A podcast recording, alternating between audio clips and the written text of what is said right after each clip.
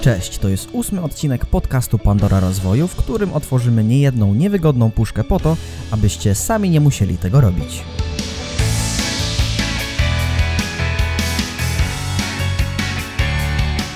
Dzisiaj porozmawiamy o tym, czym jest konflikt. Czy lepiej być w centrum wydarzeń, czy stać z boku oraz czy warto wyrażać swoje poglądy na Facebooku.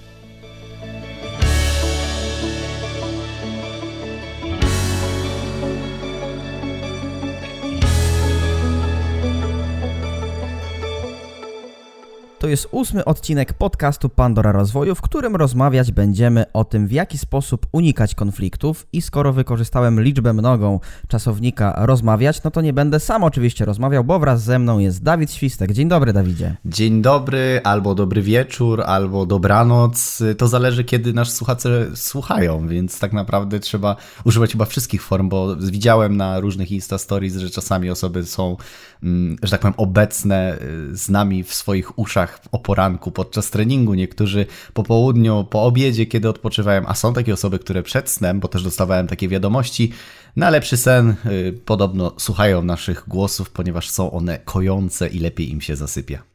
O proszę, no to tego nie słyszałem, także fajnie, że się podzieliłeś tą informacją.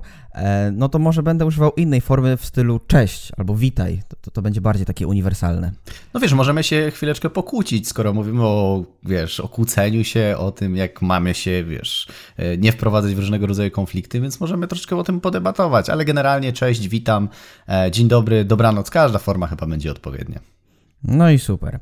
E, wobec tego e, rozpocznijmy dzisiejszy podcast i pytanie numer jeden, e, no bez którego ten podcast nie mógłby się odbyć. Mianowicie, kiedy możemy mówić o konflikcie i czym ten konflikt tak właściwie jest? Wiesz co, to jest takie trudne określenie, takie zero-jedynkowe, kiedy jest konflikt, czym on jest. Natomiast generalnie dla mnie osobiście, bo, bo ja zazwyczaj staram się nie używać jakichś takich bardzo skomplikowanych i trudnych definicji, a bardziej mówić, jak ja to rozumiem przez pryzmat takiego życiowego podejścia. I generalnie jest tak, że mm, dla mnie konflikt to jest taka sytuacja, w której dwie osoby, bądź większa grupa, bo, bo to może być nawet i większa grupa, każdy z nich ma jakąś swoją rację, każdy z nich ma jakiś swój cel, każdy ma z nich jakąś potrzebę, y, i ta potrzeba w pewnym stopniu, w całości lub w części nie została zaspokojona. E, I te osoby czują się z tym źle, i druga strona również ma jakąś potrzebę, i dochodzi do pewnej konfrontacji. I konflikt dzieje się wtedy, kiedy żadna z tych stron nie chce wejść, jak ja to mówię, na taki neutralny grunt i znaleźć porozumienie. Często rezygnując z jakichś tam części swoich, y, że tak powiem, postulatów, które gdzieś tam wewnętrznie mamy. Natomiast y, bardzo często konflikt się dzieje, kiedy ktoś chce wygrać wszystko, chce wziąć y, to, co on uważa, że jest za słuszne, druga strona ma dokładnie takie same podejście i potem to prowadzi do po prostu do konfliktu, do jakiejś sprzeczki, do jakiejś takiej sytuacji, w której nie potrafimy się porozumieć, dogadać, bądź często nawet nie dogadać, bo czasami jest to taka wymowna cisza. No właśnie, a propos tego, że dwie osoby yy, mają dwa odmienne najczęściej zdania, no to pytanie numer dwa moje brzmi następująco. Czy wchodzić w konflikt, czy stać z boku? A jeśli wchodzić, to w jakie konflikty się angażować i czy warto się w ogóle w nie angażować? Wiesz co, generalnie to jest y, Trudne pytanie. Bardzo podobają mi się Twoje pytania z, z, odcinka na odcinek, bo one nie są takie bardzo oczywiste i zero-jedynkowo, e, że tak powiem, przeze mnie traktowane, ponieważ e, czy warto, czy nie warto się w, wchodzić w różnego rodzaju konflikty, wiesz co, to nie da się tak zero-jedynkowo powiedzieć. Czasami są sytuacje, w których rzeczywiście warto powiedzieć, co się myśli, warto otwarcie przekazać swoją perspektywę, często wejść w debatę, tym bardziej jeżeli dotyczy to naszych jakichś takich mm, ważnych dla nas sfer, e, czy to życiowych, czy, czy biznesowych i, jeżeli będziemy biernie, e, że tak powiem, czekać w jakiejś tam sytuacji, no to może, że tak powiem, możemy stracić okazję do tego, że ktoś zrozumie naszą perspektywę, bądź weźmie nas pod uwagę, a co za tym idzie, nie uzyskamy tego, czego nam tak naprawdę zależy, czyli z jednej strony będziemy bierni, a z drugiej strony będziemy cierpieć, bo i tak nie uzyskaliśmy tego, co chcieliśmy. Ale z drugiej strony zaś, e, często są takie sytuacje, w których po prostu nie warto, że tak powiem, podchodzić, gadać. Jeżeli widzisz, że druga strona jest całkiem zablokowana, nie, nie przyjmuje żadnego konkretnego mm, że powiem, stwierdzenia i usilnie stoi przy swoim i choćbyś nie wiem, jak bardzo się starał, jak bardzo przedstawiał e, różnymi metodami to, w jaki sposób mógłbyś e, zrozumieć moją potrzebę, to, co chcę ci powiedzieć, no to wtedy rzeczywiście nie ma to sensu, bo, mm, bo czasami możemy spotkać ludzi, z którymi jak wejdziemy w tą dyskusję, w konflikt, czy w jakąś taką, wiesz, dyskusję, która, która rzeczywiście do czegoś prowadzi, to można gdzieś znaleźć ten kompromis, ale czasami są takie sytuacje, gdzie po prostu mm, no, ktoś jest tak, jak ja to mówię, takim betonem, że choćbyś nie wiem, co mówił, to po prostu odpuszczasz, bo to nie ma sensu, a czasami odpuszczenie sprawi, że ta osoba mm, może chcieć, y, że tak powiem, powrócić do tej rozmowy z tego względu, że mm, powiedzmy ona y, jakby będzie tego potrzebowała, nie? Czyli ty, my ją, że tak powiem, trochę zignorujemy na pierwszy, że tak powiem, strzał, natomiast ona potem wróci i dopiero kiedy nabierze perspektywy dystansu, kiedy emocje jej opadną, no to wtedy może wejść w taki konflikt z nami, znaczy konflikt, dyskusję, bo, bo to, to jest też dobre słowo. W swojej wypowiedzi wspomniałeś o kompromisie i nie mogę wobec tego słowa przejść obojętnie, bo chciałem się zapytać, czy kompromis jest właściwym rozwiązaniem konfliktu? Wiesz co, ja zawsze dążę do czegoś takiego, żeby mm, w każdej sytuacji, czy to biznesowej, czy, czy sprzedażowej, czy relacyjnej, żeby zawsze była zasada win-win. E, wiesz, ciężko jest zawsze osiągnąć taki kompromis, który będzie w 100% zadowalał wszystkie ze stro strony. Natomiast y, bardzo często jest tak, że ta, ten złoty środek, tak naprawdę, on jest bardzo blisko. I często jest tak, że my komunikujemy sobie to samo, ale innymi słowami, i wydaje nam się, że mówimy o czymś innym, a tak naprawdę oboje chcemy tego samego. I właśnie często brak umiejętności rozmowy, brak umiejętności odpowiedniego wyrażania swoich emocji, potrzeb, tego, co chcemy rzeczywiście powiedzieć, a, a wszystko dziś przybiera taką zgeneralizowaną formę, taką mało precyzyjną, mało dokładną. I wtedy robią się te właśnie konflikty i nieporozumienia, a jestem zdania, że warto szukać gdzieś tego pola takiego, gdzie oboje będziemy czuli się komfortowo, ponieważ pamiętajmy o tym, że. Mm, jeżeli w jakimkolwiek świecie y, żyjesz, czy, czy mieszkasz w Bieszczadach, czy w Nowym Jorku, czy słuchasz nas w Gdańsku, w każdym mieście występują ludzie i w każdym mieście są podobne sytuacje. Czy to gdzieś w sklepie, w kolejce, y, czy gdzieś w metrze, czy w kawiarni. W różnych miejscach możesz spotkać kogoś, komu się może coś nie spodobać, bo nie zrealizował swojej potrzeby poprzez jakieś twoje na przykład działanie, nie, oczywiście niecelowe, ale może go coś zdenerwować. Więc my musimy się uczyć komunikacji i musimy też odnajdywać się w takich różnych specyficznych kontekstach, żeby te konflikty jakby szybciej łagodzić. Mhm.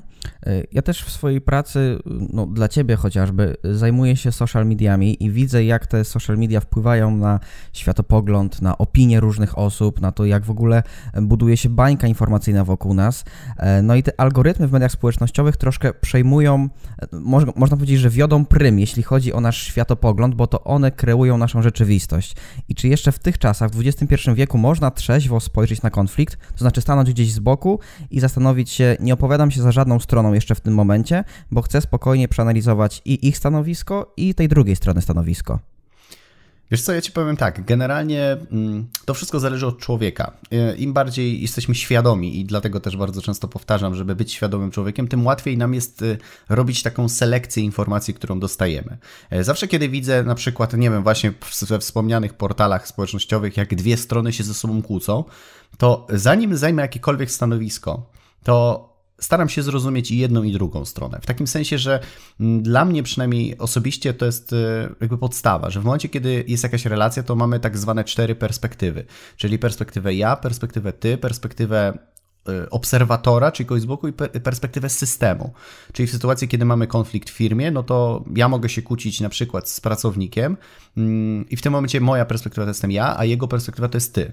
No i teraz ja wchodząc w jego perspektywę mogę zobaczyć, jak z jego perspektywy ja widzę samego siebie, w sensie co mnie może denerwować we mnie. E, mogę pracownika poprosić, żeby wszedł w moją perspektywę i spróbował mnie zrozumieć, a mogę popatrzeć na nasz konflikt z boku, czyli jako taki bierny obserwator wyjść gdzieś i popatrzeć, wyobrazić sobie siebie i tego pracownika, jak się kłócą e, o co się kłócą i jak to wygląda w ogóle z boku, czy, czy jest coś, czego ja nie dostrzegałem. E, ewentualnie mogę zastanowić się, jak ten cały konflikt wpływa na system, czyli na przykład na działanie firmy, mm, bądź jeżeli mamy do czynienia z jakimś takim głębszym, na przykład krajowym tematem, który, który może być powodem do konfliktu między ludźmi, no to jak to wpływa na cały kraj, bądź Europę, bądź nawet i świat. E, więc zmiana perspektywy daje ci nowe informacje, do których nie masz często dostępu, będąc w tylko i wyłącznie w swojej perspektywie. Więc ja za każdym razem, kiedy widzę taki konflikt, to pierwsze co to wchodzę w perspektywę tamtych osób, czego one chcą obronić, co one chcą e, uzyskać, jaką oni mają potrzebę, potem wchodzę w drugą perspektywę, potem patrzę na to właśnie tak biernie, troszeczkę z dystansem, zdysocjowany z pozycji obserwatora i zastanawiam się, jaki konflikt, czyli to, co się dzieje między nimi, może wpływać na świat, na kraj, na większe systemy i wtedy dostaję bardzo dużo informacji, których wcześniej być może nie mogłem e, zobaczyć, właśnie ze względu na jakąś tam moją subiektywną ocenę, bez patrzenia szerzej. A potem jest druga bardzo istotna rzecz, którą robię, to jest e, zastanawiam się, jaką oni mają w tym intencję. E, kiedyś nauczono mnie, że za każdym zachowaniem stoi pozytywna intencja. I, I rzeczywiście moje doświadczenia życiowe tak pokazują, że nawet często, kiedy ktoś robi coś złego, czyli nie wiem, okłamuje mnie, albo oszukuje, albo robi coś innego, to on ma w tym swoją oczywiście egoistyczną, pozytywną intencję i też zawsze szukam w takich sytuacjach, co ta osoba, jaki ona ma pozytyw, co, co ona robi w tym momencie. Chce siebie ochronić, nie chce poczuć się źle, jeżeli będzie musiała się przyznać do winy. Mm, tam może być mnóstwo pozytywnych intencji i w momencie, kiedy je poznasz, to też zupełnie inaczej rozmawiasz z drugim człowiekiem, inaczej patrzysz na taki konflikt. Też przypomniałaś mi w ogóle taką metodę, której uczyłem się na kursie z coachingu podczas studiów, że metoda trzeciego krzesła, czyli wychodzi się tak jakby ze swojego e, stanowiska konkretnego, na przykład z lewej strony i siada się na krzesełku obok i wtedy patrzy się trzeźwo zupełnie na sytuację. I też wspomnę o takim fajnym narzędziu, z które mi dużo zmieniło w moim życiu, e, bo pamiętam, że mieliśmy takie zajęcia na studiach, e, podczas których musieliśmy się opowiadać politycznie albo za prawicą, albo za lewicą i robiliśmy to zgodnie ze swoim sumieniem i ze swoim światopoglądem a następnie musieliśmy się zamienić miejscami i tak jakby argumentować za tą stroną, której nie lubimy teoretycznie. I to w ogóle było ćwiczenie, które zupełnie e, zmieniło mój światopogląd na zawsze prawdopodobnie i otworzyło mi te klapki na oczach. Czyli to jest to, o czym ty mówiłeś, o tej zmianie perspektywy. To może być bardzo, ale to bardzo zdrowe. Wiesz co, ja jestem w ogóle zwolennikiem szukania balansu w życiu, czyli mm, bycia pomiędzy, czyli dostrzegania, że nie tylko jest jedna strona medalu, ale że są dwie strony, że kij ma zawsze dwa końce i tak dalej, i tak dalej. Ludzie niestety, ale często robią sobie krzywdę, bo mm, jeżeli chociaż trochę spróbują zrozumieć drugą stronę, to zmienia się ich energetyka, zmieni się ich sposób komunikacji, zmienia się ich słownictwo przede wszystkim i to, w jaki sposób ta druga strona odbiera to, co my chcemy powiedzieć. Bo w momencie, w którym ty masz przeświadczenie, że twoja racja to jest twoja racja i będziesz jej bronił pomimo wszystko, i bardzo często niestety, ale to trzeba powiedzieć, że ludzie, e, którzy zajmują się na przykład, nie wiem, szkoleniem marki osobistej, czy jacyś tacy liderzy, e, wzięli sobie to takie słowo na przykład hate, jako coś takiego hejtują mnie, hejtują mnie, bo się ze mną nie zgadzają i uczą innych ludzi, że jak ktoś cię hejtuje, to od razu go blokuj, nie pozwalaj, wiesz, ucinaj i tak dalej. Ale to jest po prostu taka ucieczka i droga na skróty, ponieważ hejt, jeżeli jest oczywiście agresywny, wulgarny i taki w ogóle, wiesz, że tak powiem, naprawdę taki hate, hate, no to okej, okay, to, to jeszcze zrozumiem takie podejście, bo nie ma sensu dyskutować z kimś, kto po prostu, po prostu przychodzi i cię obraża, tak? Natomiast w momencie, kiedy ktoś ci zwraca na coś uwagę i, i mówi ci po prostu coś mu się nie podoba i bardzo często właśnie osoby uciekają, o, to już mnie hejtujesz, tak? Bo już nie chcą wejść w tą konfrontację, a jak ich guru powiedział, że to jest hejt, to o, mnie hejtują, jeszcze go obrażają i ich energetyka jest bardzo taka agresywna w stosunku do tamtej osoby i to może tą osobę jeszcze bardziej prowokować. W sytuacji, w której mm, ktoś mnie zwraca na coś uwagę y, w jakimś, nie wiem, czy komentarzu, czy coś w tym stylu, jest to jakaś normalna dyskusja, to ja pokazuję, że ja rozumiem jego perspektywę, daję mu do zrozumienia, że akceptuję, rozumiem jego intencje, niekoniecznie się z nim zgadzam, przedstawiam mu swoją i on ma wolny wybór, albo będzie chciał przyjąć też moje stanowisko i ewentualnie troszkę zmienić swoje przekonania, swój pogląd, a jeżeli nie, no to trudno, ma drogę wolną. Ja, go do, ja do nikogo nie zmuszam na siłę do przejmowania moich poglądów, ale też nie będę brał czyichś poglądów, bo ktoś tak będzie chciał na przykład, nie? Więc, więc ja zawsze szanuję drugą stronę i takie dwie perspektywy zawsze staram się zrozumieć, a czasami w tych dwóch perspektywach można znaleźć coś, co jest wspólnego, i to jest pierwszy taki krok, który prowadzi do kompromisu, czyli do załagodzenia takiego konfliktu. E, jeżeli zrozumiesz drugą stronę, zrozumiesz siebie, to mówisz, kurczę, ale przecież my się zgadzamy w tym, tylko używaliśmy na przykład innych argumentów czy innych słów, ale chodzi nam o to samo. No i właśnie a propos tej odpowiedzi, chciałem zadać pytanie, które łączy się z płaszczyzną emocjonalną i racjonalną, czyli czy można wyłączyć się emocjonalnie z konfliktu i działać wyłącznie na płaszczyźnie racjonalnej? Wiesz co, generalnie y, nie da się wyłączyć tak całkowicie emocji. No wiesz, to jest, to jest całkowicie chyba niemożliwe, no chyba, że mówimy o takiej sytuacji, kiedy medytujemy i totalnie jesteśmy odcięci od myśli, jesteśmy tylko i wyłącznie w tu i teraz i, i wiesz, y, i po prostu mamy taki zwany neutral mind, no to to jest chyba jedyna sytuacja, bo w każdej rozmowie zawsze będą jakieś emocje, bo bodziec tak naprawdę kreuje nasze myśli, czyli każde moje słowo, które teraz wypowiadam, w naszej głowie już rozpoczyna pewien proces myślowy, tak? I, I zawsze jakieś myśli prowadzą do tego, że pojawiają się w naszym ciele jakieś emocje, one mają, wiesz, ujście w fizjologii i to można bardzo często obserwować, co też mówiliśmy w temacie mikroekspresji i tak dalej. Natomiast y, można oczywiście je opanować do takiego poziomu, w którym one nie będą, że tak powiem, wyżej niż nasze logiczne myślenie.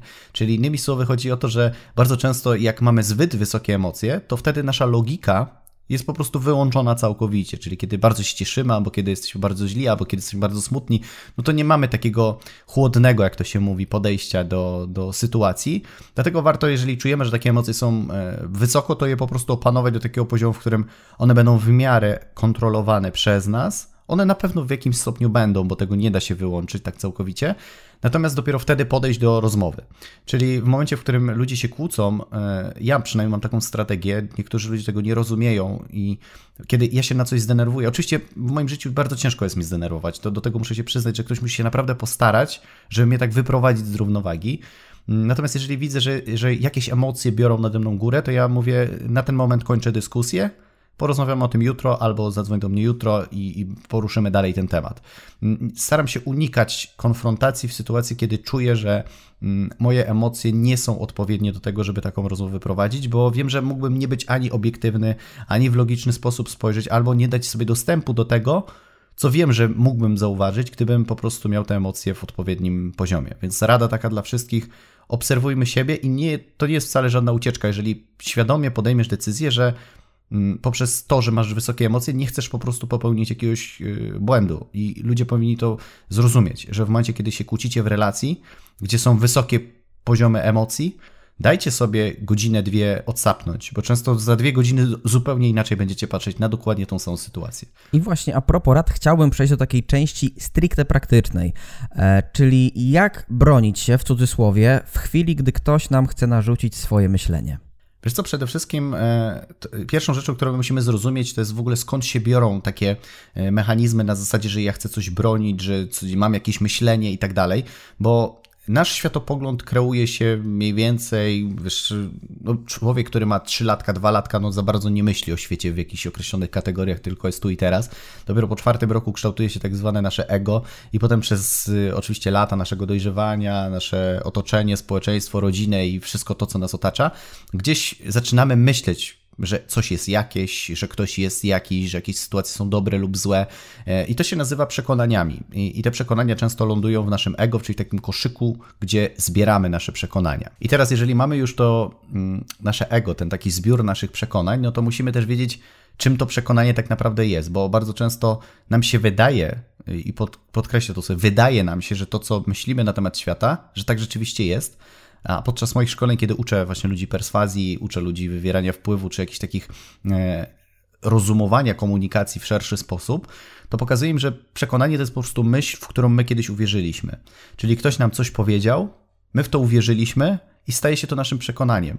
Tylko potem jest taki problem, że to przekonanie zaczyna kreować naszą rzeczywistość. Czyli jeżeli uważamy, że powiedzmy coś jest złe, bo tak nam ktoś kiedyś powiedział i my w to uwierzyliśmy, bo ten ktoś miał na przykład w naszych oczach autorytet, to my tak będziemy widzieć ten świat, nie będziemy widzieć czegoś innego.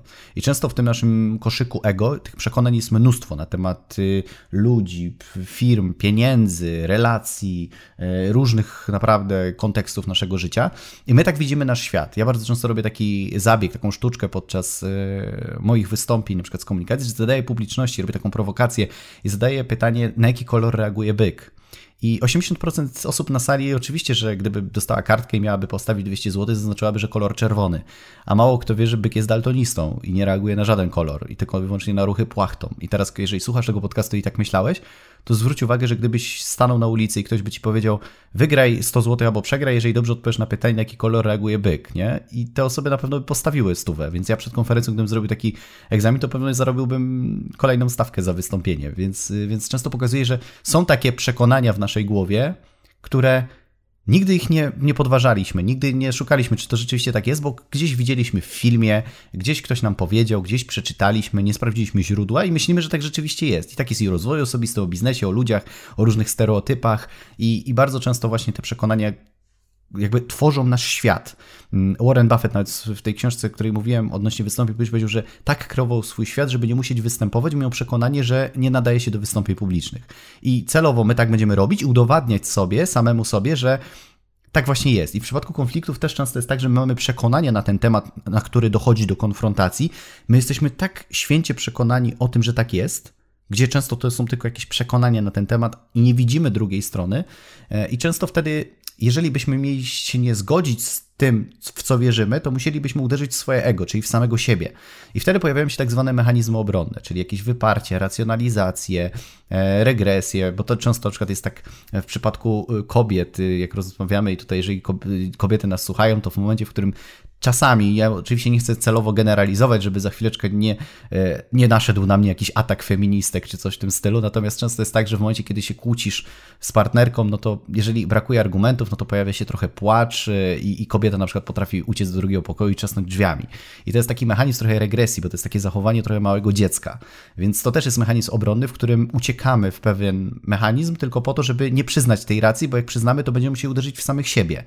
E, często jest właśnie tak, ja podaję też na konferencji taką e, anegdotkę odnośnie kobiety, która idzie na przykład do sklepu i, i uważa, że nie jest atrakcyjną kobietą i kupi na przykład sukienkę, która nie jest ładna, ubierze ją, stanie przed lustrem i powie, no nie jestem ładna, no widzicie, no nie jestem. Potem pójdzie na dyskotekę i jakiś mężczyzna zauważy, że ona jest piękna, widzi w, nią, w niej to coś, czego ona nie dostrzega, chce z nią zatańczyć, chce ją poderwać, a ona ucieka, bo myśli, że on ma w tym na pewno jakiś interes i już ma racjonalizację, już ma wyparcie, już nie widzi innych rzeczy, bo ma takie przekonania na swój temat. I tak samo jest w konfliktach z ludźmi, czy w biznesie, czy w sprzedaży, czy w różnych e, sytuacjach, że właśnie nasze przekonania powodują, że my nawet nie tyle walczymy z drugą stroną w tym konflikcie, tylko walczymy z samym sobą, żeby nie musieć zmieniać tego, co sądzimy na swój temat. Myślę, że to jest świetne podsumowanie tego, w jaki sposób to wszystko powstaje, jak to wygląda. Ciekawe jest to, że to już jest kolejny odcinek Pandory Rozwoju, w którym mówisz właśnie o przekonaniach, więc to tylko e, w moim mniemaniu podnosi rangę tych przekonań, czyli wszystko, co się dzieje dookoła nas, zachodzi w naszej głowie. Znaczy, może nie wszystko, bo to znowu generalizacja, ale no, mnóstwo procesów zależy od naszych myśli i od naszych przekonań, które się stety lub nie uformowały najczęściej w okresie czy to adolescencji, czy to dzieciństwa, no i potem je przenosimy do życia dorosłego i te wszystkie schematy, archetypy, z nich też korzystamy później. I tutaj jest jedna rada. W sytuacji, mhm. w której e, potrafisz dobrze pracować na swoich przekonaniach, ja uważam, że jedyną skuteczną metodą, według mnie, która mnie pozwoliła nie wchodzić w konflikty, bo naprawdę ja stosunkowo mam mało konfliktów. Jak one się pojawiają, to zazwyczaj jest to na tyle normalna dyskusja, że ja przedstawiam swoją perspektywę, pokazuję, że rozumiem drugą perspektywę, ale bierze się to stąd, że nawet jeżeli ktoś mi coś zarzuca albo pokazuje, że nie mam racji, to ja wiem, że on ma rację. W takim sensie, że ja nie muszę się z nim zgodzić, ale w jakimś stopniu on ma rację, no bo jak to się mówi, w każdym zdaniu może być ziarnko prawdy. I, i, I gdzieś tam zawsze jakaś strona to, co mówi, na pewno ma jakiś w tym sens. Oczywiście nie muszę się z tym zgadzać w 100%, ale na pewno tam jest jakaś prawda. I często jest tak, że jak y, miałem y, swoje jakieś przekonania na temat siebie, na temat życia, na temat mm, wszystkiego, co mnie otacza, to robiłem sobie takie bardzo proste ćwiczenie i szukałem y, kontrprzykładów, czyli w innym, w innym przypadku na przykład. Rozmawiamy mm, na temat wystąpień publicznych i gdybyś mi powiedział, Dawid, jesteś wybitnym mówcą, to bym ci powiedział, tak wiem, bo mam na to wiele dowodów, wiele faktów, że jestem wybitnym mówcą, jestem nawet artystą scenicznym, bo tak się dokładniej nazywam. Natomiast gdybyś powiedział mi, że jestem kiepskim mówcą, to też musiałbym się z tobą zgodzić, bo wiem, ile błędów mogę popełnić, wiem, ile błędów popełniam w trakcie mm, nawet tego podcastu, ile już błędów popełniłem, ale tego nie wycinamy, bo chcemy, żeby to było naturalne. Natomiast y, Widzisz, czyli z jednej strony wiem, że jestem i kiepskim mówcą, i jestem wybitnym mówcą, tak? Czyli znam jedną i drugą stronę, więc ja nie muszę ani jednego, ani drugiego bronić. Czyli jak ty mi powiesz, a jesteś kiepskim, to mówię, wiem, także spoko, mogę się uśmiechnąć, to nie krzywdzi mojego ego, bo z jednej strony wiem, że jestem wybitny i trochę kiepski, więc jedno i drugie jest prawdą. Jeżeli by mi ktoś powiedział, że jestem dobrym człowiekiem, to znajdę przykłady, które powiedzą, że jestem dobrym człowiekiem, ale jak ktoś mi powie, że jestem złym człowiekiem, to też znajdę sytuacje, w których jestem złym człowiekiem, na przykład kiedy krzyczę na swojego biednego pieska, kiedy nie chce mnie słuchać na przykład, tak, i podnoszę głos, to wtedy można powiedzieć zły człowiek, tak? Więc teoretycznie jedno i drugie jest prawdą, więc jeżeli wiesz, że jedno i drugie ma fakty, to nie musisz tego bronić, wiesz, jak taką oblężoną twierdzę, że nie pozwolę ci, żebyś mi przypadkiem tak powiedział, a możesz ewentualnie co najwyżej porozmawiać rzeczowo, właśnie bez tych takich y, wysokich emocji. I więc wydaje mi się, że to jest też ciekawe, żeby samemu sobie w głowie przepracować takie swoje przekonania na swój temat, znaleźć plusy i minusy, jakie są fakty, bo według mnie najlepiej mm, przekonania utylizują fakty, czyli zero-jedynkowy fakt, czy to miało miejsce, a nie czy to są domysły, czy jakieś dopisane fakty. Po prostu. A co jeśli ktoś powie, że jesteś średnim mówcą? Masz coś przygotowane na tą okazję? Powiedział, no na pewno znajdziemy na to jakieś dowody. No wiesz, średni to znaczy według jakiej skali. No bo tak naprawdę gdybyśmy patrzyli przez pryzmat y, mm, na przykład, nie wiem, najwybitniejszych mówców y, w kategorii całego świata, którzy po prostu zrobili najwięcej. E, wiesz, e, w Stanach Zjednoczonych jest wielu takich, którzy zmieniali naszą ludzkość, więc, więc w porównaniu do nich prawdopodobnie moje osiągnięcia tak naprawdę są średnie. Więc jeżeli znajdziemy odpowiedni punkt odniesienia, to jak najbardziej się z tym zgodzę. Natomiast jeżeli weźmiemy na przykład skalę, na przykład naszą krajową, to uważam, że jestem wybitny, jeżeli chodzi o nasz kraj, o to, co się aktualnie na przykład dzieje. Natomiast w sytuacji, w której byśmy mieli porównać z kimś, kto jest perfekcyjny, na przykład idealnie mówi w języku polskim, typu profesor Bralczyk, którego już gdzieś tam sobie wspominaliśmy, no to mogę powiedzieć, że mój język polski no, nie jest nawet średni w porównaniu do niego na przykład, nie? bo on jest wybitny w tej, w tej akurat dyscyplinie, więc, więc mogę powiedzieć, że jestem poniżej średniej, chociaż staram się uczyć tego języka polskiego, chociaż zdarzają mi się jeszcze często błędy i myślę, że dużo, dużo lat jeszcze pracy przede mną, żeby mówić na podobnym przynajmniej poziomie, jak mówi profesor Bralczyk, operując z tymi odpowiednimi słowami, przymiotnikami i wyłapywaniem tego, co się dzieje w naszym pięknym języku. Też a propos profesora Brelczyka, mam taką, e, taki fajny przykład z jednego wywiadu, bo tam jedna pani dziennikarka zapytała go, e, panie profesorze, czy można powiedzieć wziąć lub poszłem? A on powiedział, no skoro pani to powiedziała, to znaczy, że można. No i tak właśnie tą zasadą kieruję się i nagrywam z tobą podcast i nie czuję się wcale jakoś y, gorzej, jeśli chodzi o Znaczy wiesz, no, polską. no bo tak jest, no bo można powiedzieć, ale czy można, no można. czy kobiety są do wzięcia, czy kobiety są do wzięcia na przykład. Chciałbyś wziąć... To faceci są do wzięcia tylko. Tak, więc, więc generalnie, no wiesz, język polski jest bardzo ciekawy, jest bardzo trudny, natomiast y, uważam, że powinniśmy się uczyć, ale to też, y, widzisz, jak uczysz się fajnej komunikacji, w sensie uczysz się y, takiego empatycznego podejścia do rozmowy, do konfliktów, do y, w ogóle do relacji w szeroko pojętych, to też zmienia się trochę twoje słownictwo, ponieważ w momencie, w którym y, patrzysz szerzej, musisz mówić o rzeczach takich bardziej, jak ja to zauważyłem, takich głębszych, czyli bardziej o emocjach, o swoich potrzebach i wtedy troszeczkę te nasycenie emocjonalne słów, które wypowiadamy ma inne znaczenie, bo nie wiem, czy ludzie zdają w ogóle sobie sprawę z tego, że każde słowo ma w sobie jakąś wagę emocji. Czyli innymi słowy, to jest tak, jakbyście sobie wyobrazili słowo i one ma jakieś, jakąś skalę od 1 do 10, w zależności o jakiej emocji mówimy. Bo na przykład, gdybyśmy powiedzieli słowo łom, no to łom już nam się z czymś kojarzy, już mogą nam się jakieś emocje pojawić, w zależności też, jakie mamy doświadczenia z łomem w życiu, więc to też może jeszcze definiować. A na przykład, jak powiemy słowo piórko albo słowo motyl, to to są zupełnie inne słowa, które mają zupełnie inne nasycenie. Słowo jak słowo, ale za tym idzie odpowiednia energia, no nie? Więc, więc też musimy wiedzieć, że w trakcie komunikacji, w trakcie konfliktów, to jakich słów używamy do opisania tego, co jest w naszej głowie, do opisania naszych potrzeb, do tego, co chcemy powiedzieć, te słowa, które używamy, one też mają wpływ na siłę naszego zdania czy argumentu, który chcemy przekazać. E, dwa kolejne pytania chciałem poświęcić e, mediom społecznościowym z tego względu, że no po tej, e, znaczy w trakcie tej wielkiej kwarantanny narodowej nas zamknięto, no i jedynym kanałem komunikacji był internet. Wobec tego, czy warto pisać posty w social mediach,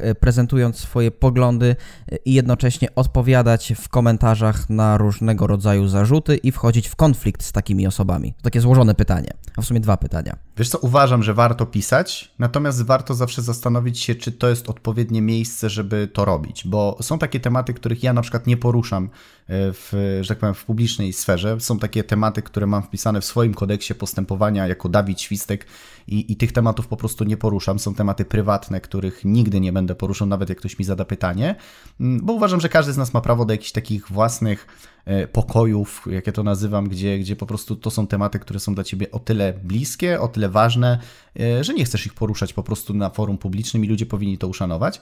Natomiast generalnie, jeżeli coś dotyczy mm, nas wszystkich jako ludzi, czyli jeżeli jest jakaś sytuacja polityczna i masz e, jakieś swoje własne zdanie i to zdanie potrafisz wypowiedzieć, tu podkreślę, z bardzo ważnym słowem, z szacunkiem do drugiej strony, to warto to powiedzieć. Ja czasami ja nie, jakby nie, nie, tworzę na swoich portalach, na swoich profilach jakichś takich obszarów do dyskusji, albo że kiedy nagle ktoś mnie wkurzy w telewizji, jakiś polityk coś powie, to ja od razu wrzucam zdjęcie i go tam krytykuję, jaki to jest, e, wiesz, cymbał czy coś w tym stylu, bo to, to nie jest moja energia. Natomiast jeżeli już coś pójdzie o krok za daleko, to pozwalam sobie od czasu do czasu, nawet jako osoby, które śledzą mojego fanpage'a na Facebooku, to wiedzą, że nawet kiedyś oznaczyłem e, naszego szanownego prezydenta Andrzeja Dudę i tam napisałem do niego bardzo mocny że tak powiem, przekaz y, w sytuacji, kiedy powiedział, że e, ludzie odmiennej orientacji to nie są ludzie, tylko ideologia, więc ja tam to poruszyłem. Natomiast ja go tam nie obrażałem, ja go tam nie szkalowałem, tylko powiedziałem, jak ja to widzę z mojej perspektywy, że pokazałem, że rozumiem jego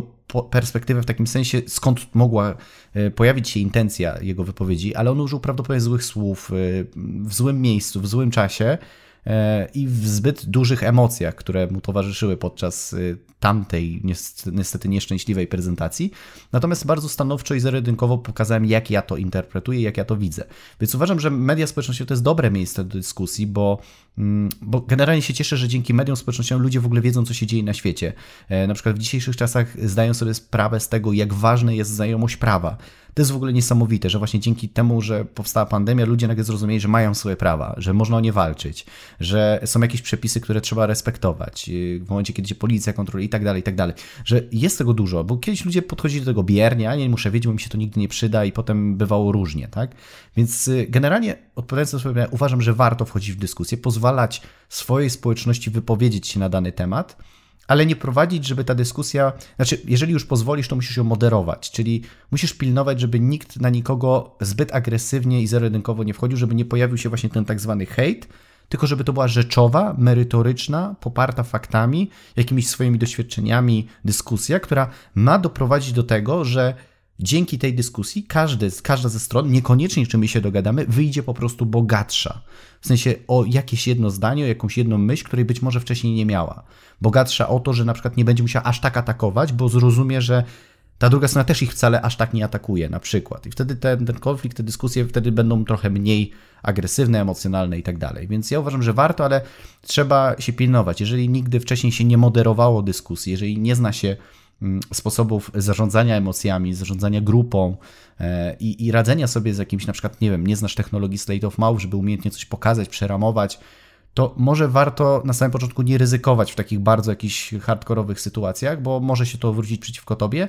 Natomiast jeżeli już jesteś osobą, która ma za swoim, że tak powiem, za swoimi plecami duże doświadczenie w kwestii dyskusji, prowadzenia rozmów, wchodziłeś nieraz w różnego rodzaju takie debaty, to możesz sobie na to pozwolić, bo będziesz w stanie za każdym razem powiedzieć stop. I, I, to też nie jest nic złego, jeżeli zobaczysz, że e, w Twoich profilach, kiedy pozwoliłeś, dałeś przestrzeń, ta dyskusja się wymyka spod kontroli, możesz wyłączyć komentowanie posta, powiedzieć, że koniec dyskusji, wszystko, co miało być powiedziane, zostało powiedziane, każdy niech sobie wyciągnie wnioski, a Ty, jako osoba moderująca, jako właściciel tej dyskusji, dziękujesz wszystkim za każdy komentarz i po prostu zamykasz, żeby to nie poszło w jakąś nie, niekontrolowaną e, sytuację, bo wiemy, wiemy, jak to się może skończyć, kiedy ludzi się troszeczkę troszeczkę podpuści, pozwoli im się na za dużo, to potem może być jakiś taki nieoczekiwany wjazd na Kapitol, if you know what I mean. Mhm. Podczas Twojej wypowiedzi w ogóle zdałem sobie sprawę z tego, że hejt byłby takim fajnym tematem do kolejnego odcinka Pandory Rozwoju, więc być może w przyszłości coś takiego się ukaże, bo widzę, że wiele marek, nie tylko osobistych, ale też większych korporacji, firm, e, nie daje sobie często rady w social mediach i tu pewnie chciałbym zadać Ci kilka pytań, w jaki sposób robić to mądrze e, i jak moderować e, dyskusje w internecie przede wszystkim, tak żeby to wyglądało spójnie, wizerunkowo przede wszystkim, ale też żeby przyniosło więcej dobra niż zła, ale to na inny odcinek, a dzisiaj rozmawiamy na pewno, o na pewno tym... będę Mhm. chciał, żebyśmy, na pewno będę chciał, żebyśmy porozmawiali o tym mm, w ogóle czym jest hejt, żeby go dobrze zdefiniować, bo tak jak powiedziałem ci już wcześniej, niestety, ale większość ludzi, którzy uczą o hejcie, uczą o hejcie dlatego, że mają dużo hejtu i po prostu chcą go, że tak powiem, wybronić, żeby nie powiedzieć, że ktoś cię merytorycznie i rzeczowo krytykuje. I, I to trzeba powiedzieć, że wielu ludzi nazywa coś hejtem, co hejtem w ogóle nie jest. Chyba Ale tak nawet jest po wiem, o jakich łatwiej, e, osobach mówisz.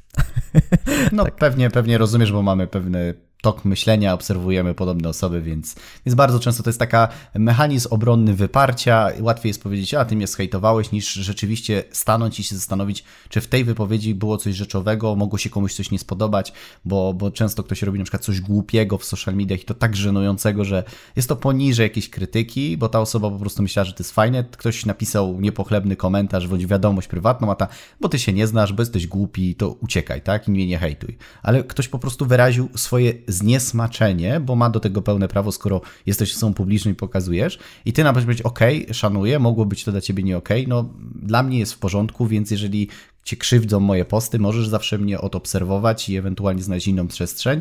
Rozumiem, a nie jakieś takie od razu atakowanie tej osoby, że jest głupia, że nie rozumie, że wiesz, że jest ograniczona, albo jeszcze ją prowokować jakimiś innymi głupimi tekstami, bo niestety, ale wielu ludzi w internecie tak reaguje, bo wiesz, pokazuje innym ludziom, że tak można i wtedy to jest taka droga na skróty. To jest według mnie to jest taka komunikacja przedszkolna. To nie jest y, dojrzałość, to nie jest człowiek, który ma mm, wysoki poziom empatii. To jest według mnie głupota po prostu, bardzo często. Mhm. No i dochodzimy do tego punktu, w którym czas odpowiedzieć na pytanie główne dzisiejszego odcinka, e, bo tytuł e, tego podcastu to jak unikać konfliktów. No i czy konfliktów w ogóle da się unikać? Na początek chciałbym o to zapytać. No a po drugie, w jaki sposób sobie radzić z tymi konfliktami? To tak podsumowując już mógłbyś odpowiedzieć na to pytanie. Wiesz co, generalnie jak unikać konfliktów? To tam mamy trzy słowa w tym, w tym pytaniu, czyli jak, że unikać i czego konfliktów. Czyli ja też bardzo często uczę ludzi, że kiedy rozmawiamy mm, z drugim człowiekiem, to warto zwrócić uwagę, jak jest skonstruowane pytanie albo jak jest skonstruowane zdanie, które ktoś w tym kierunku mm, wypowiada, bo tam są określone słowa. Unikać zakłada, że musisz się od tego separować. Konflikt już nakłada na jakąś negatywną e, ramę na, na dyskusję, a jak oczekuję od Ciebie konkretnych rozwiązań. I teraz do każdego słowa się odniosę. Przede wszystkim zacznę od tyłu. Konflikt, czyli zdefiniować w ogóle, jak ja rozumiem konflikt, czym on dla mnie jest. Bo jeżeli masz przekonanie, że konflikt jest czymś złym, i jest to coś bardzo negatywnego i w ogóle ten, to, to możesz mieć chęć unikania, bo generalnie dla mnie konflikt to jest pewnego rodzaju pole, na którym spotykają się, tak jak powiedziałem na początku, dwie strony, które dążą do kompromisu. Moja intencja jest taka, żeby dążyć do kompromisu, czyli w konflikcie ja nigdy nie wchodzę z taką energią, że ja chcę komuś coś udowodnić, bo w tym momencie to nie jest nawet konflikt, to jest narzucanie swojego zdania. To nie jest nawet konflikt, to jest próbowanie przejmowania kontroli nad czyimś życiem, nad jego rozumowaniem. To nie jest nawet konflikt. Konflikt jest wtedy, kiedy pojawia się jedna i druga strona i obie chcą zaspokoić swoje potrzeby. Więc od tyłu bym zaczął, że zdefiniowałbym w ogóle, czym dla ciebie jest konflikt, bo jak już zdefiniujesz go w takiej kategorii, że to nie jest nic złego, tylko jest to część naszego życia i, i to się będzie działo, że my będziemy konfrontować w różnych aspektach pewne nasze przekonania i potrzeby, to potem zastanawiam się, czy warto unikać, bo ja uważam, że tak jak powiedziałem na początku, że czasami są momenty, kiedy nawet nie tyle unikamy, czy przesuwamy w czasie konfrontację, o tyle, kiedy mamy nasze emocje już opanowane. Natomiast nie unikałbym, bo prędzej czy później to i tak do nas wróci. Bo jeżeli jest coś, co nas wkurza mm, w jakiejś sytuacji i my w jednej sytuacji uciekniemy od tego, to prawdopodobnie za jakiś czas to się znowu pojawi w naszym życiu. A może to być jakiś kontekst, w którym już wtedy nie będziemy mogli uciekać, a może być już tak, że wtedy może mieć to dużo negatywniejsze skutki w przyszłości dla nas, w jakiejś sytuacji, która, która może się pojawić. Więc czasami warto zadać sobie pytanie, dlaczego mnie to wkurza. I zamiast od tego uciekać, unikać, po prostu wejść w tą konfrontację i poznać nawet dzięki temu samego siebie bardziej i tą drugą stronę i być ciekawym tego, skąd to się wzięło. Bo jeżeli ja się z kimś kłócę, to zawsze zastanawiam się, jak to się stało, nie? Co się takiego we mnie zadziało, że ja rzeczywiście chciałem to bronić tak usilnie. I wtedy poznaję dzięki konfliktom, w cudzysłowie, i tym poznaję samego siebie. Więc czy unikać, to nie wiem, czy, czy unikać. Generalnie rozwiązywać, tak? I, I traktować konflikt z szacunkiem, a nie z agresją. To przede wszystkim. No i jak? No to tak jak już zresztą wielokrotnie powiedziałem, po prostu być ciekawym. Być ciekawym drugiej strony, być ciekawym tego, co może wyniknąć z tego sporu e, i, i rzeczywiście być takim ja, ja zawsze jestem, y, mam takie poczucie, że jak znajdziemy ten kompromis, to to będzie piękny moment. To jest tak, jakbyś wyobraził sobie, że płyniesz statkiem i jest sztorm. I jest sztorm i wiesz, i radzimy, i szukamy i nagle w pewnym momencie chmury się rozchodzą i wychodzi słońce. I wszyscy się uspokajają. I właśnie to jest taki moment znalezienia kompromisu, kiedy jedna ze stron powie takie zdanie, kiedy nagle pojawia się taka magiczna cisza w dyskusji na przykład i w sumie okej, okay, no zróbmy tak. I wtedy jest to takie fajne, że każdy czuje, że, że nie musiał rezygnować z wielu rzeczy u siebie, a możemy znaleźć kompromis. Przede wszystkim, co jest myślę bardzo ważne, rozmawiajmy. To jest y, dzisiaj bardzo trudne. Ludzie udają, że nie widzą problemów, a jak widzą, to po prostu chowają to często gdzieś tam pod poduszkę i a dobra, nie będę w ogóle dyskutował, bo po co mi to i tak dalej. To się niestety często nawarstwia i w momencie, w którym wybucha już konflikt, on jest już tak że tak powiem, rozrzedzony, że to już jest, są zgliszcza, że tak powiem, domu, a nie jakiś tam lekki pożar, który szybko można ugasić. My się nie uczymy rozmawiać. Bardzo często, czy nawet w pracy, czy w biznesie, my unikamy po prostu rozmów, jakichś takich szczerych, takich otwartych, żeby być ciekawym drugiego człowieka. I stąd się też biorą konflikty, że my nie poznajemy siebie. Ja, kiedy prowadzę szkolenia, mam taką nadrzędną zasadę, żeby ludzie byli dobrze zintegrowani, żeby poznawali siebie. E, I tutaj szczególnie też pozdrawiam właśnie członków mojego klubu profesjonalnego speakera, gdzie ostatnio dostali zadanie do, dopasować się w pary z osobami, których jeszcze na przykład w klubie naszego speakera nie znają i żeby zrobili wzajemnie sobie wywiad, żeby pozadawali sobie pytania, żeby byli ciekawi, żeby mogli popatrzeć na siebie w taki empatyczny sposób. I ja wiem, że wtedy ta grupa jeszcze jest bardziej zintegrowana i wtedy widzę, jak bardzo ludzie potrafią się w takim kontekście rozwijać i jak mało konfliktów w takiej grupie może powstawać, bo ludzie siebie rozumieją, nawet często robiąc różne rzeczy, mając różny wiek i różny zasób portfela, to, to wtedy nie ma większego znaczenia. Więc, więc ja przede wszystkim to, co bym radził, to nauczyć się rozmawiać i mówić otwarcie o swoich potrzebach. Pamiętajcie, i to jest moja złota rada dla wszystkich, pamiętajcie, żeby żyć w tak w świecie, żeby nie robić nic wbrew sobie. W sensie, jeżeli masz jakąś potrzebę w związku, która nie jest zaspokojona, to powiedz swojemu partnerowi, że masz taką potrzebę, a nie udawaj, że a dobra, to ja z niej zrezygnuję. Jeżeli w pracy, jako pracownik, czujesz, że jakaś część ciebie nie jest spełniona, porozmawiaj ze swoim przełożonym. Może da się to w bardzo prosty sposób zrobić. Rozmawiajcie, szukajcie tego, a nie udawajcie, bo potem jak będzie jakiś taki zgrzyt, coś się pojawi, to potem ty to wyrzucisz i tak z siebie, ale wtedy to może być już niekontrolowany wybuch, taka eksplozja po prostu nagłego, wiesz, y, niezadowolenia. Więc po prostu rozmawiajcie ze sobą, mówcie o swoich potrzebach i pytajcie, osoby, które są w Twoim otoczeniu, o ich potrzeby, czy, czy ich potrzeby są zaspokojone, czy wszystko to, co mm, ta osoba ma, czy, czy rzeczywiście jest ok. Ja nawet często z Tobą, Adrian, mam takie rozmowy, ja zawsze obserwuję, czy to, jak pracujemy, czy jest coś, co jeszcze mógłbym dla Ciebie zrobić, czy jest coś, co potrzebujesz i tak dalej, więc ja też staram się zaspokajać Twoje potrzeby w różny sposób, więc, więc uważam, że to jest jedyna droga. Jeżeli mówimy o takim e, łagodzeniu i rozwiązywaniu szeroko pojętych konfliktów czy kłótni. Mhm. I tak postscriptum chciałem e, zapytać, czy śledziłeś e, konflikt między panem Stanowskim a panem Najmanem? Tak, e, widziałem niebieską kurtkę Najmana. Żałuję, że jej nie mam, bo bardzo mi się podobała i w ogóle cenię sobie Marcina za, za, za to, w jaki sposób on się odnajduje w tych sytuacjach. Ja nie wiem, jak ja bym zareagował, będąc w podobnej sytuacji, natomiast finał tej sytuacji był taki, że no. Mm, nie znam jakby y, takich potwierdzeń, czy to rzeczywiście było y, komercyjnie ustawione pod to, bo finalnie to zostało wykorzystane przez markę Tyskie. Notabene jestem y, z Tychów, więc, więc wiem, że tam była ta akcja przejdźmy na ty i tak dalej.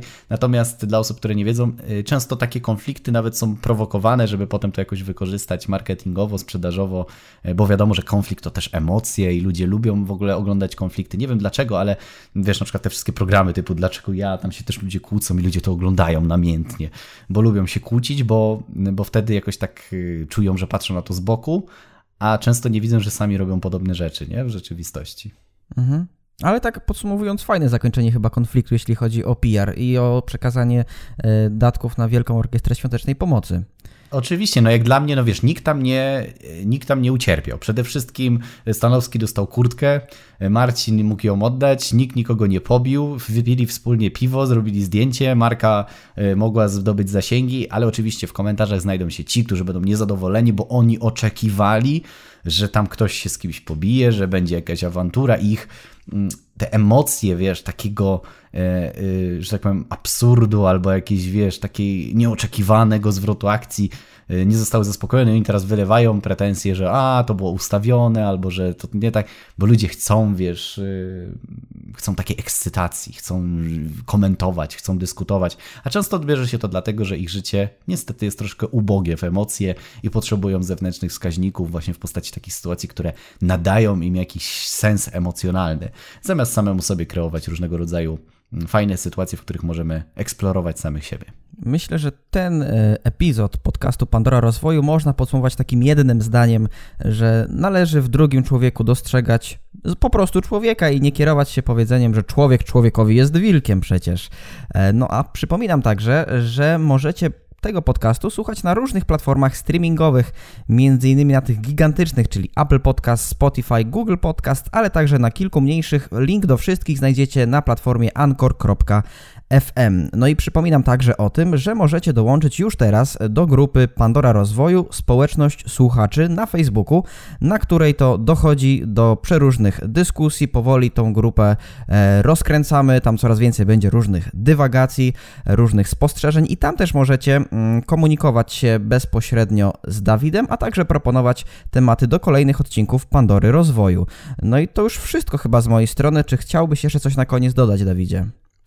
Ja tak sobie teraz wpadłem na taki bardzo ciekawy pomysł dla naszych słuchaczy, bo to już jest y, kolejny odcinek i coraz więcej osób nas słucha, coraz więcej osób pisze, coraz więcej osób y, naprawdę daje pozytywny feedback i y, to jest, już wielokrotnie powiedziałem, to jest bardzo budujące, kiedy społeczność w postaci zwykłego zdjęcia, czy komentarza, czy yy, jakiejś oceny, po prostu docenia twórcę za poświęcony czas, bo nawet jak teraz nagrywamy ten podcast kilkadziesiąt minut, potem trzeba zmontować, wrzucić. To jest naprawdę szereg pracy, często ludzie tego od tyłu nie widzą.